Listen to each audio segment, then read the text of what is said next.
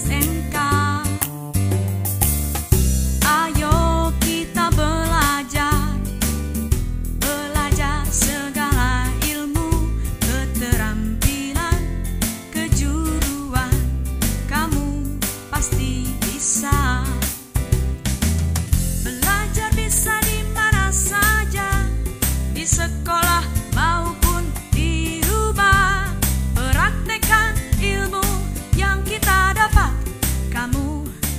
pasti bisa La- Halo sahabat edukasi, selamat berjumpa kembali dengan Ayo Belajar untuk SMK, jurusan Administrasi Perkantoran. Topik kita kali ini adalah penampilan diri. Pada segmen ini kita akan belajar tentang apa itu grooming. Selamat belajar ya.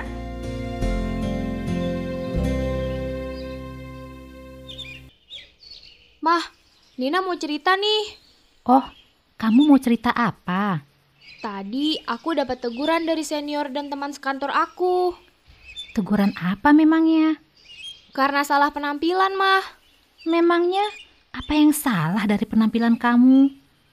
Hmm, dari senior bilang kalau busana yang Nina pakai itu antara atasan sama bawahan tidak matching. Terus warna sepatu Nina juga nggak cocok. Oh, terus? Kalau kata Yuli teman sekantor Nina, parfum Nina tuh tidak bagus. Oh, itu sih bukan teguran namanya. Itu artinya teman dan senior kamu di kantor itu perhatian sama kamu, Nin. Ya, tapi kan jadi malu juga, Mah. Memangnya kamu pakai model baju dan warna sepatu apa? Nina coba pakai baju baru yang untuk ke pesta itu, mah. Sebenarnya sih hanya ingin coba saja. Kalau warna sepatu Nina merah terang. Terus, parfumnya kamu pakai apa? Ya, pokoknya yang wangi banget. Tapi menurut temen Nina baunya menyengat. Nina belum pintar berpenampilan, mah. Yang penting Nina mah nyaman saja pakainya. Nggak apa-apa, Nina. Kamu tahu tidak tentang grooming? Grooming? Apa tuh, mah? Grooming itu penampilan diri seseorang yang terjaga dan selalu rapih secara keseluruhan, mulai dari ujung rambut sampai ujung kaki.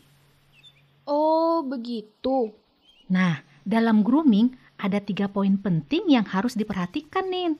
Apa saja memangnya, mah? Yang pertama itu, penampilan diri merupakan bentuk pernyataan diri atas penampilan yang menarik dan menimbulkan rasa percaya diri. Jadi, kita harus berpenampilan diri yang bisa menimbulkan rasa percaya diri kita ya, mah?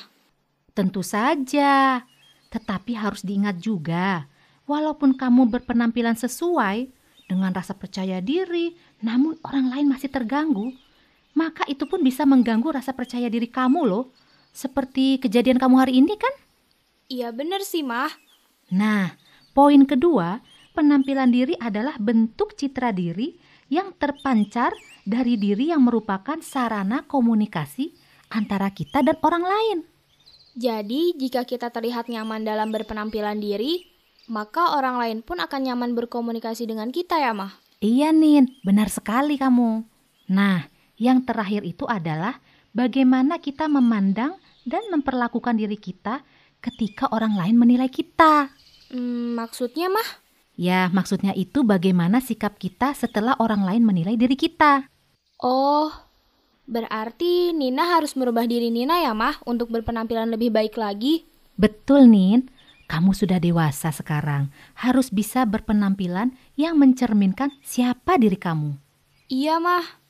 Berpenampilan baik juga tidak harus mewah dan mahal, asal nyaman dipakai dan dipandang orang lain ya, Nak ya. Benar, Mah.